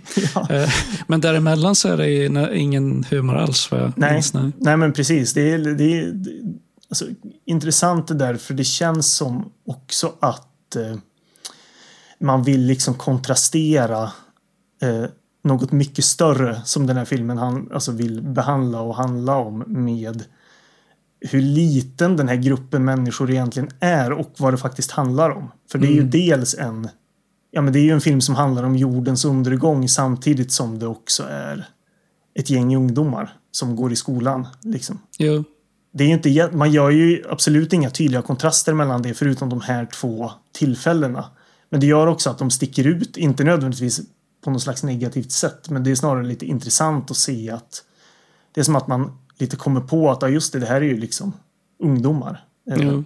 som går i skolan. Han är ju någon slags märklig comic relief. Det, det är väl Ja. tur liksom att han inte är med mer i filmen än vad han, än vad han faktiskt är. Precis, det är ju han och deras tredje kompis Mickey som är den här, eh, liksom, eh, alltså, inte tarotkort utan eh, Han är stjärntydare. Ja, tyder Astrolog. Liksom. Astrolog, precis. Med ett väldigt så här, rudimentärt eh, dataprogram. Knappar in liksom. När man är född och så vidare.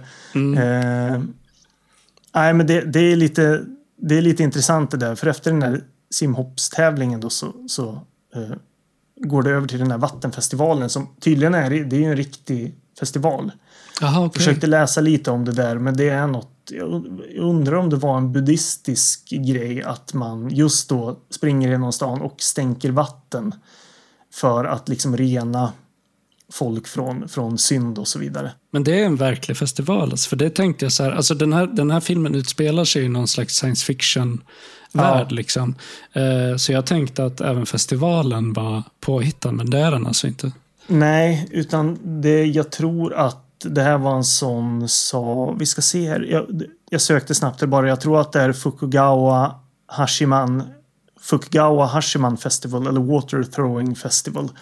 Eh, Så jag tror att det här är något, alltså som du säger, den här, jag kommer faktiskt inte ihåg nu om, man får ju aldrig veta riktigt vart den här utspelar sig och gissningsvis så ska den väl egentligen inte utspela sig på någon specifik Nej, men jag, plats. jag tror att den utspelar sig i en fiktiv japansk stad. Ja, jo men precis. Och en Eh, ospecificerad, vid en ospecificerad tidpunkt. Så den, den utspelar sig i någon slags eh, parallellt universum eller på, en påhittad värld.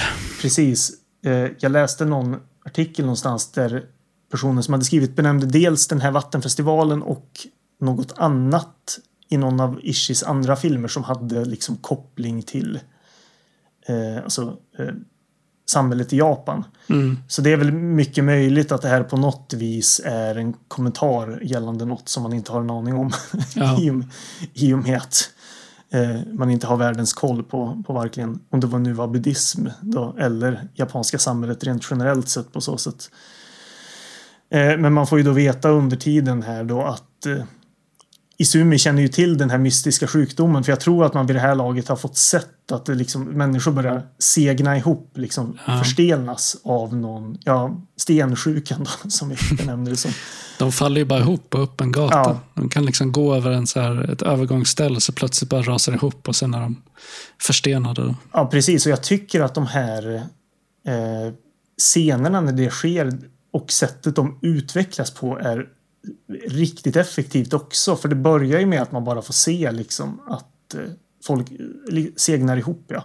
Men sen ju längre filmen går så blir det ju mer och mer liksom så här högljudd industrimusik bakom de här scenerna.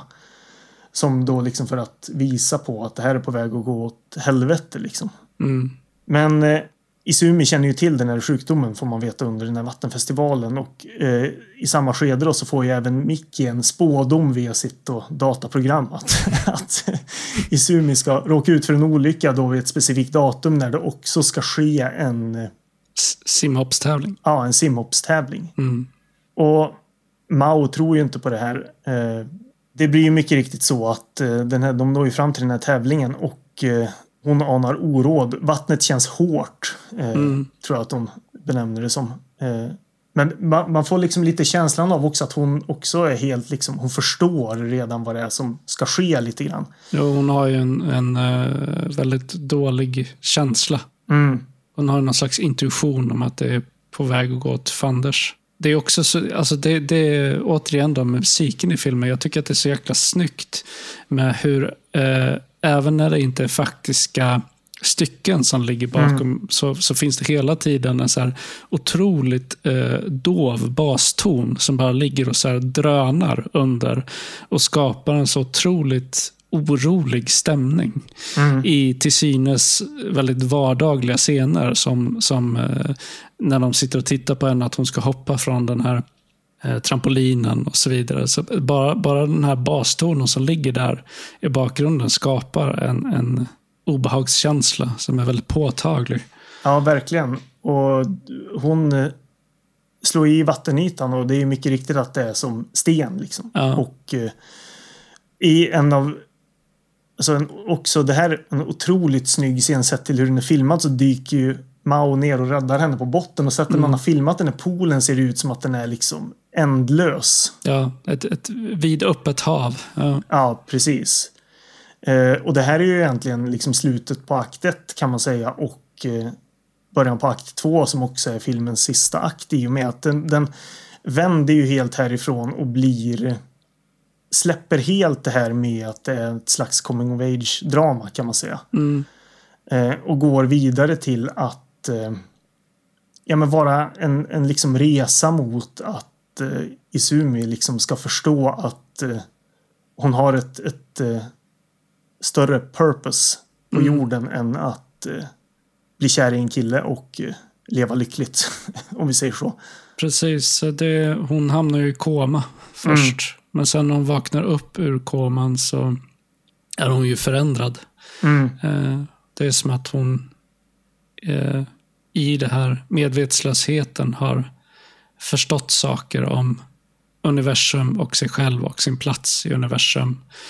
Eh, med koppling till den här eh, torkan och eh, stensjukan då som, som staden har drabbats av. Så, alltså de, de tankar som hon ger uttryck för här när hon vaknar upp kan man ju definitivt härleda till liksom ett buddhistiskt tankegods. Mm. Den här känslan som hon beskriver av att hon och världen runt omkring henne är samma.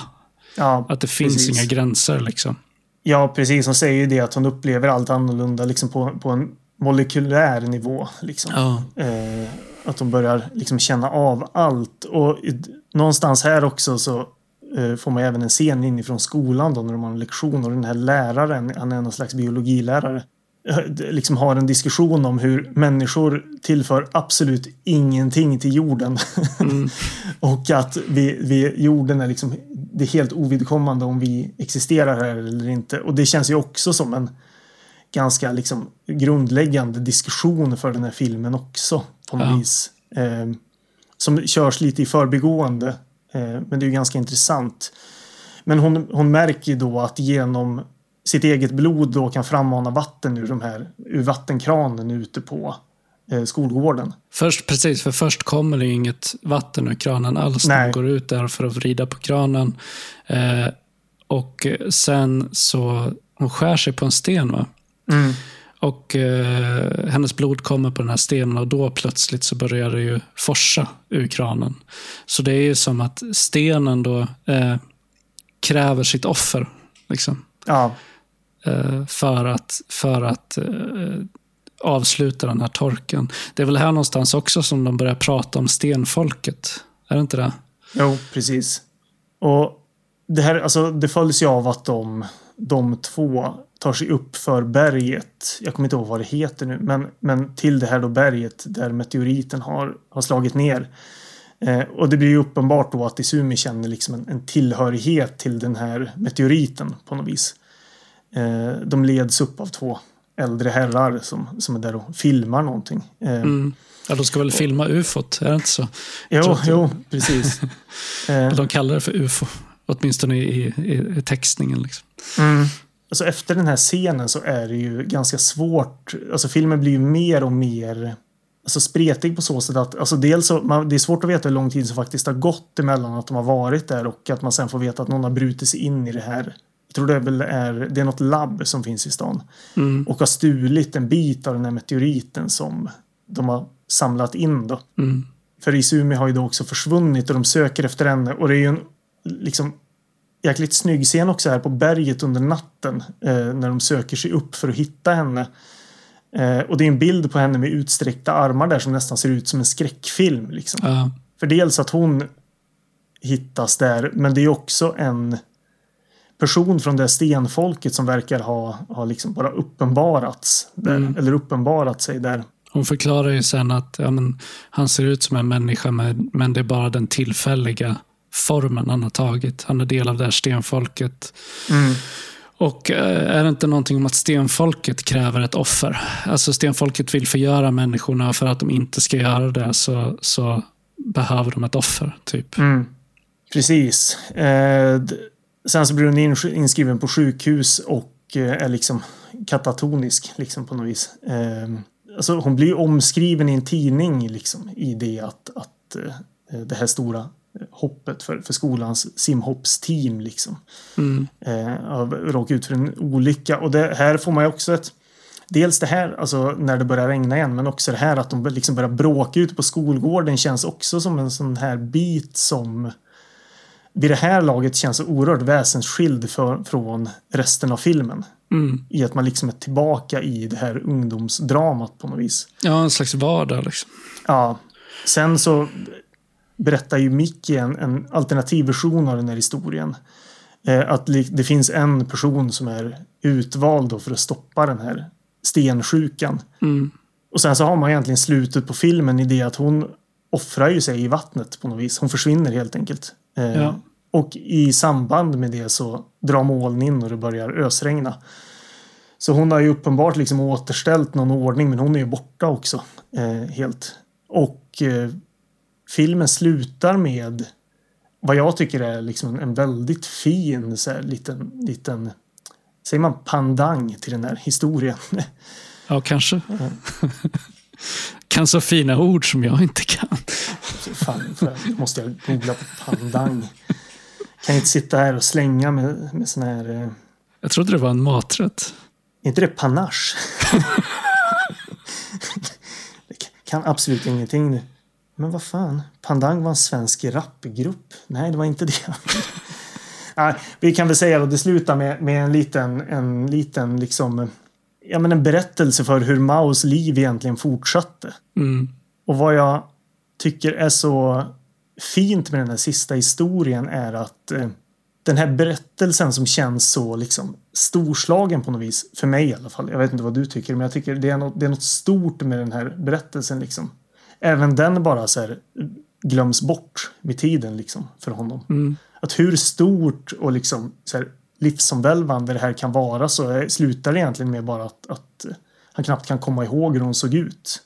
Så 30 år senare. Ja, nej, slutet tyckte jag väldigt mycket om också. Eh, framförallt så tycker jag att jag tror att det är det allra sista som sägs i filmen. För det, han återvänder till den här voiceovern som också inleder filmen. Och Det visar sig att det är Mao som liksom åldrad man har återberättat om, om den här episoden av sitt liv. Men han säger Sometimes I be become uncertain if it was real, a dream or just memories. And whether I'm alive or not. Mm. Det, det verkligen eh, cementerar den här drömska känslan som är genomgående i filmen och liksom avslutar på den noten Mm. också.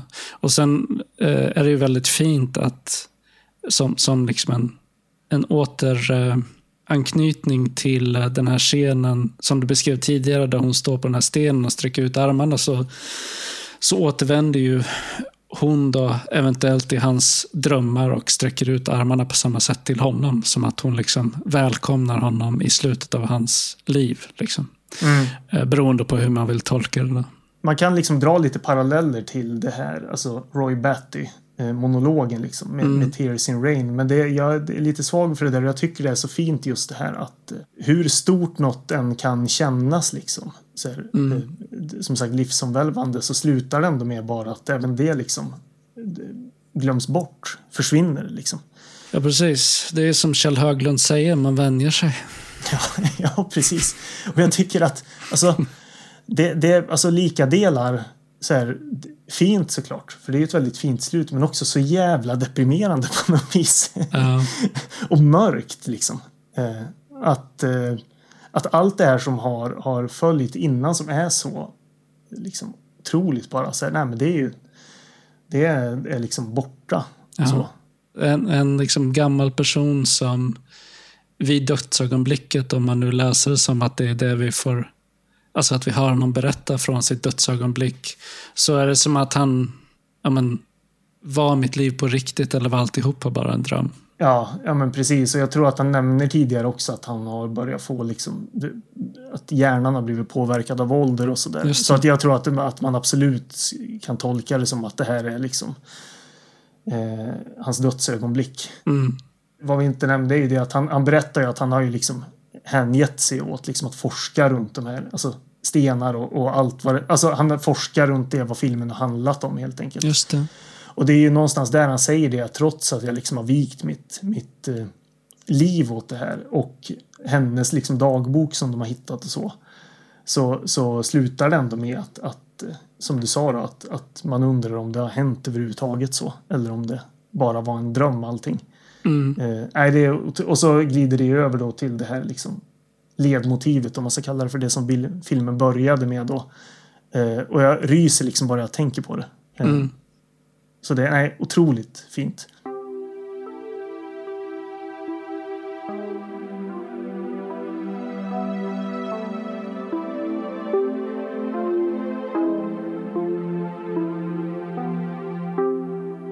Jag tänkte vi skulle kunna komma in på de punkter där vi förmodligen skiljer oss åt i, i eh, vårt omdöme av den här filmen, eller hur vi ser på den. Mm. Eh, och till att börja med, så det här är ju en slags science fiction-film. Mm. Men jag tycker det känns väldigt märkligt att kalla det för en science fiction. Alltså på samma sätt som jag känner för en film som till exempel Stalker eller Solaris av, av eh, Andrei Tarkovsky. Att det är så här konstigt att kalla det för science fiction. Ja. Och jag tycker att liknelsen mellan den typen av filmer och August in the Water är ganska slående för mig. ja, verkligen. På flera plan och ett av de planen är något som du kanske inte kommer tycka är så kul. Men jag har sett till exempel Stalker en gång eh, och minns det som en ganska seg och utdragen filmupplevelse. men efteråt, eh, när det hade gått några dagar, så fann jag eh, mig återvända till filmen i tankarna. Att jag funderade över innebörden eh, och ändå kunde känna att den hade lämnat något slags avtryck fastän Mm. själva tittarupplevelsen inte var eh, så behaglig. Och när jag ser en sån här film som August in the Water, så alltså jag fattar ju att poängen är att liksom suggerera fram en, en stämning hos tittaren Mm. eh, som, som om den funkar blir den närmaste hypnotisk. Och det är så jag känner när jag bara lyssnar på soundtracket, att det finns något hypnotiskt över det. Och när jag läser recensioner av människor som, som hyllar den här så är det ofta det som tas fasta på. Men jag kommer aldrig in i filmen på det sättet. Nej. Utan jag har lite tråkigt under själva tittningen. Och jag såg den här ihop med min sambo. Eh, och vid ett tillfälle framåt slutet av filmen så vände jag mig till henne och eh, så försökte liksom uttrycka hur den här filmen fick mig att känna och hur den här sortens filmer ibland får mig att känna. Och Det som kom ur mig spontant var att det här är en typisk sån här film där jag sitter och tänker hoppas den tar slut snart så jag kan börja tänka på vad den betyder. ja. För det, är, det är en film som kräver väldigt mycket av tittaren. Eh, Mm. och det tycker jag om. Eh, och, och Det är också den här typen av film som jag tänker att många skulle likna vid poesi. Men ofta när den sortens liknelser görs så förklarar sällan skribenten vad som menas med det. Mm. Men både du och jag har ju pluggat en massa litteraturvetenskap. Ja, ja, Och jag vet inte hur det är med definitivt. dig, men alltså jag har ju både läst och skrivit ganska mycket poesi.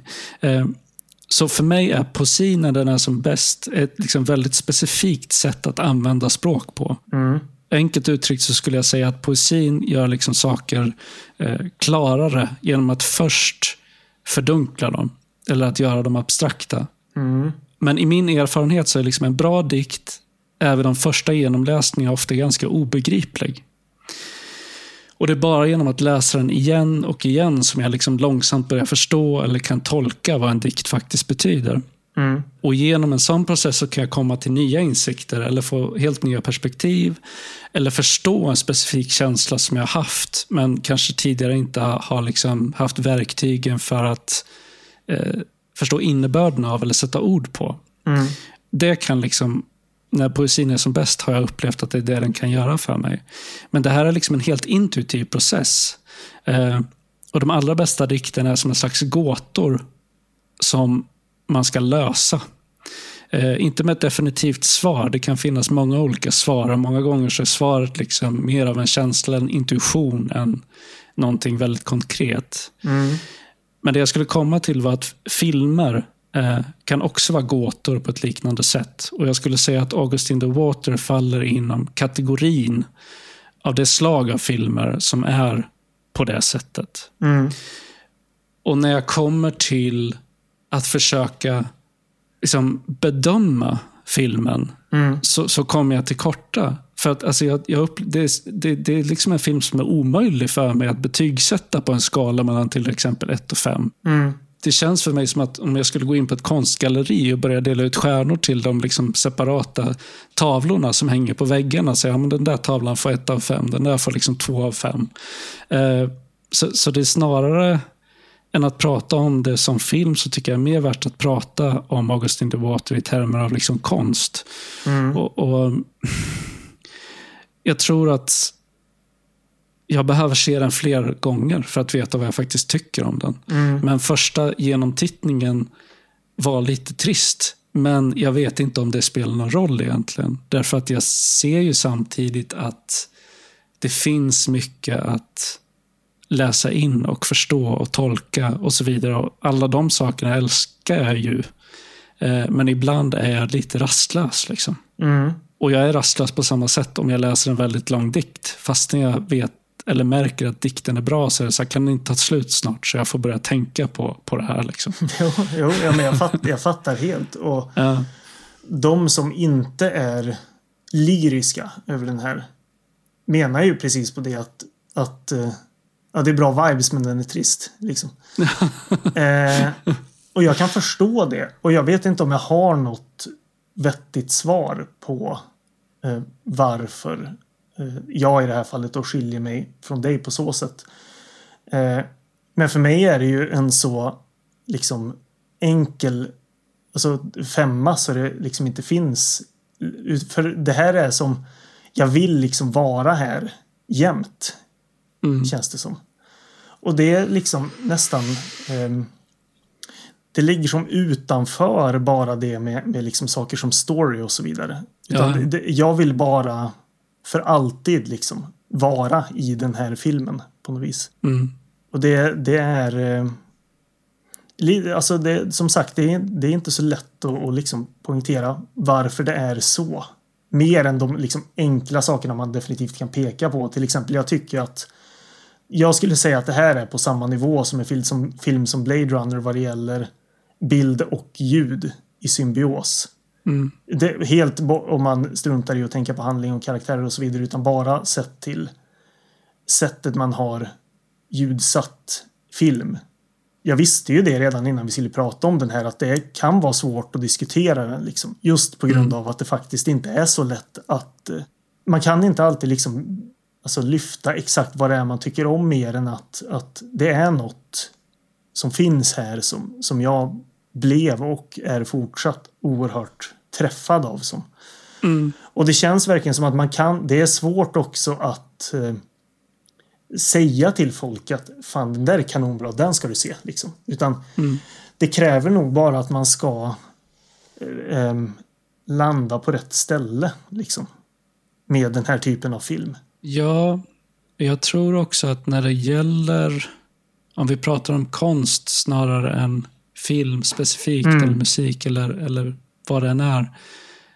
Eh, när det gäller det som verkligen träffar en, det är ju någonting som går bortom termer som bra och dåligt. Alltså Ja, det har ju precis. mera med en känslomässig, eh, ett känslomässigt band att göra. Ja, Alltså på samma sätt som, ja men, ta en liknelse vid förälskelse. Eller att, att, att älska någon. liksom. mm. Eh, du älskar ju inte en person för att den har specifika egenskaper eller specifika åsikter. Eller för, liksom den är, för den är bra eller dålig. Nej, men precis. är bara fyra av fem. Du, du, att verkligen liksom älska en, precis, att, att verkligen älska en person är ju liksom att, att, att ha ett band Mm. till en, en människa som på många sätt är oförklarligt. Alltså det, det är svårt att, du, du kan inte förklara varför du känner på det sättet. Det bara är så. Och på samma sätt tänker jag att det är när man får den sortens väldigt starka och djupa liksom, känslomässiga band till en film eller Mm, till musik. Eller det, det är oförklarligt på ett plan. Du kan peka på saker som, som, som ja, men jag tycker om musiken, jag tycker att den är snyggt filmad. Och, men allt det där är ändå liksom på ytan. Mm. In under det så finns det liksom betydligt djupare saker som är eh, i görningen, tänker jag. det är så jag ser på det i alla fall. Jo, och jag håller med och det är nog där det landar för mig. Alltså man kan, kan ta ett- liksom ett, ett jä- jämförande exempel till musik till exempel. Det är otroligt nu att man för första gången får en, en legitim anledning att prata om The Blue Nile. som vi båda älskar väldigt mycket. Ja, ja. Eh, det, alltså en skiva som, som Hats till exempel. Mm. Man, jag kan jämföra lite med den för det är en sån skiva som har framför allt senaste två, tre åren liksom varit som skapad för min sinnesstämning. Utöver att vara en, en otrolig skiva så är det bara som att den är skriven för hur jag har känt mig liksom senaste åren. Mm. Och det är på samma... Man rör sig i samma tankegångar när man pratar om den här filmen. Liksom. Som med en sån skiva till exempel. Ja, då kan, vi kan ju passa på att rekommendera några låtar från den här skivan. för den som är intresserad. Eh, The Downtown Lights, asbra. Ja, man kan rekommendera hela den skivan. Jag, skulle, jag ska faktiskt sträcka mig till att säga att det är en av ytterst få skivor som är perfekt. Faktiskt. Eh, från första till sista låt. Men jag är ju oerhört svag för öppningslåten Over the Hillside också. Mm. hur sättet den liksom går in i The Downtown Lights är otroligt fint. Som. Både så här upplyftande som, som sorglig den, den låten är för att sen gå in och skivan i stort liksom. Är, är, ja, nej, otrolig. Är Stay med på den skivan? Nej, det är första, eh, är första skivan, ja. Eh, Walk Across the Rooftops. Nej, men de två skivorna båda två är ju liksom, det är ju, det, det blir ju inte bättre i stort sett. Nej, de är asbra. Det är också eh, ganska bra eh, eh, association till eh, det här vattentemat. Alltså om du tänker på omslaget till eh, eh, ja, dels namnet av The Blue Nile såklart, men Mm. även eh, konvolutet till eh, Hats. Är ju skitsnyggt och väldigt blått. Ja. Alltså, det, man kan ju säga det om The Blue Nile att eh, eh, om Rännstensrullarna hade en musikalisk motsvarighet så hade ju The Blue Nile varit det definierande exemplet på ett, ett ett rännstensband då, skulle man kunna kalla det för. För det är ju världens bästa band som ingen känner till. I stort sett. Eh, Är det så alltså? Jag, jag har dålig koll på Nej, hur... men det är klart att de, de är ju väl, det är klart, de har ju miljontals streamningar på Spotify och så vidare. Mm. Men de känns ju okända på ett sätt. Liksom. Ja. Jag tycker det känns så otroligt. Jag har svårt att beskriva dem, det bandet för, för folk som undrar. För det känns så futtigt att säga popmusik. Och framför allt så känns det fånigt att säga sofistikerad popmusik som, som genren brukar benämnas som. För då låter det bara trist. Som. ja, det låter skitnödigt bara. Ja, precis. Men det är ju ganska sofistikerad popmusik. Det är ju vad det är. Ja, men det är bra, alltså det är bara bra musik. Liksom. Ja, precis. Är, precis. Ja, men de känns. Det, som sagt, om, om Rännstensrullarna hade varit Rännstensbanden så hade The Blue Nile varit ett ganska bra exempel på, mm, på, på det. Men det, med det sagt då. Det rör sig i samma liksom eh, känslomässiga spektra. De här, den, alltså August in the Water och den skivan till exempel. mm, Och eh, flera andra filmer som jag tycker jättemycket om såklart. då, Men det är precis som du säger, i vissa fall så är det svårt att sätta fingret på exakt vad det är. Utöver de här väldigt tydliga hantverksmässiga bitarna. ja. Och jag kommer ju se om filmen någon gång, absolut. Ja, det här är ju... En rekommendation kan inte bli starkare från min sida. så så vart, vart man, eh, vad man gör av den här filmen är ju nog inte så, så svårt att veta för de som lyssnar heller. Då. Men, men från min sida i alla fall, det, det, liksom, det blir inte en tydligare rekommendation än så här. Nej, och bara av den anledningen så tänker jag att vi får fiska upp den ur rännstenen eftersom det är en så otroligt stark rekommendation för dig. Jo, jo, precis. Men det är väl också bra, tänker jag, att vi faktiskt... Ibland tänker vi också olika. Ja, jo, absolut. Det händer. Nej, men jag, jag kan tänka mig att det här kan vara en film som kommer att växa på mig vid upprepade tittningar, men det är svårt att säga i nuläget. Mm. Jag, jag brukar oftast märka det på om mina tankar vandrar eh, till, till, tillbaka till det eh, Mm. osökt. Liksom. Då, då vet jag att ja, där fanns det ju förmodligen någonting som jag har kvar att upptäcka. Jo, precis. Och det är ju så eh, den har varit för mig Mm. de senaste åren. Att jag har gång på gång liksom tänkt på den. Jag hoppas och tror i alla fall att folk kan känna igen känslan. Även fast det Mm. absolut inte behöver ha med den här filmen att göra. Utan att det, det bara är liksom att, att det kan vara filmupplevelser eller musikupplevelser eller vad som helst som har träffat en på så sätt att eh, ens, ens eh, liksom känslomässiga spektra eller mående liksom, kan eh, känna samhörighet med nu vilken konstform den är. Mm. Som sagt, jag vill väl hoppas att, att det är ju trist för de som kanske inte har upplevt det.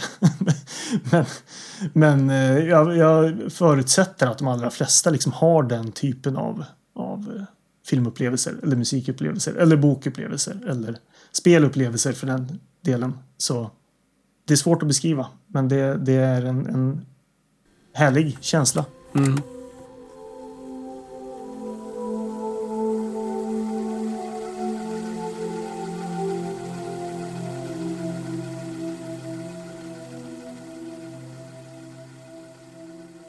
Vad ska vi prata om i nästa avsnitt? Jag vet inte om vi faktiskt har bestämt exakt vilken ordning vi ska ta det i, men vi skulle ju egentligen kunna småhinta lite om vad hösten kommer innefatta. Och så får man se vad som kommer härnäst om, om ja, när vi har bestämt oss helt enkelt. eh, vi, kan ju, alltså, vi ska ju prata om skräck i oktober givetvis. Det, så Mm. långt det tror jag nog att alla fattar. Det blir, och det blir faktiskt halloween-månad på så sätt. Vi är varken tidiga eller sena. Vi, vi, Det blir en, en punktlig halloween. Ja, precis. Eh, exakt. Du har ju avsnittsnamnet redan nu. Ja, exakt. Eh, sen så ska vi prata om mumblecore till slut. Denna ständiga genre som jag tjatar om. Gång på Ja. gång på gång på gång. Liksom. I september, eller vilken månad ska vi prata om Mumblecore? Nej, men det är ju det. Vi ser antingen, det kanske blir nästa månad nu eller så kanske det Ja. blir i, i eh, november då. För vi ska ju också, jag lyckades ju, du har ju valt ett, ett slags passion project du också nu. Som du kan få introducera. Ja, det blir väl senare då, framåt vintern antar jag. Kanske i Ja, november. eller, ja, ja, precis. Ja, jag kan säga att det, det får det nog bli. För jag har noterat att båda filmerna har varit jävligt svåra att få tag i. Ja, okej. Ja. Nej, men alltså en, en, en av mina eh, absoluta favoritfilmer är ju Sporlos. Mm. Och eh, det är ju ingen rännstensrulle som så, även om jag tror att det är ganska många som inte har sett den. Mm. Men däremot så kom det ju en amerikansk remake eh, som, som eh, lustigt nog gjordes av samma regissör som gjorde originalet.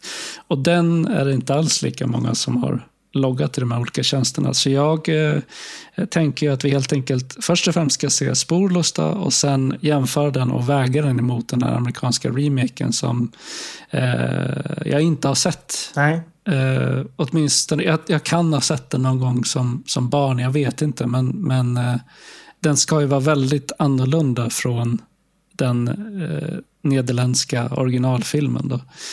Eh, men du har inte sett någon av dem här va? Jo, jo. Eh, Har, har du sett Spårlös? Spårlös har jag sett. Det var du länge sedan. Det den, kanske okej. var 2015 eller sådär. Ja, ja Eh, okej. så jag trodde inte du hade sett den. Jo, jag, jag, så jag känner ju till eh, twisten då, så att säga. Ja, Eh, Men det var, det var så länge sedan jag såg den och jag tror att jag var i, en, i ett annat mindset vad det gäller att se på film när jag såg den då mot vad jag är nu. Eh, så, Mm. så det ska bli spännande att se om den. Eh, remaken har jag inte sett. The Vanishing heter den, är ju värt ja precis. Eh, med eh, Kiefer Sutherland och så vidare. Det ska bli spännande. Man har ju hört mycket om den. Eh, att den ska vara antingen kul eller usel eller speciell. så eh, så det, det blir ju roligt just det där och faktiskt för att kunna se om det är en rännstensrulle eller inte så är man ju nästan tvungen också väga den mot originalet. Ja.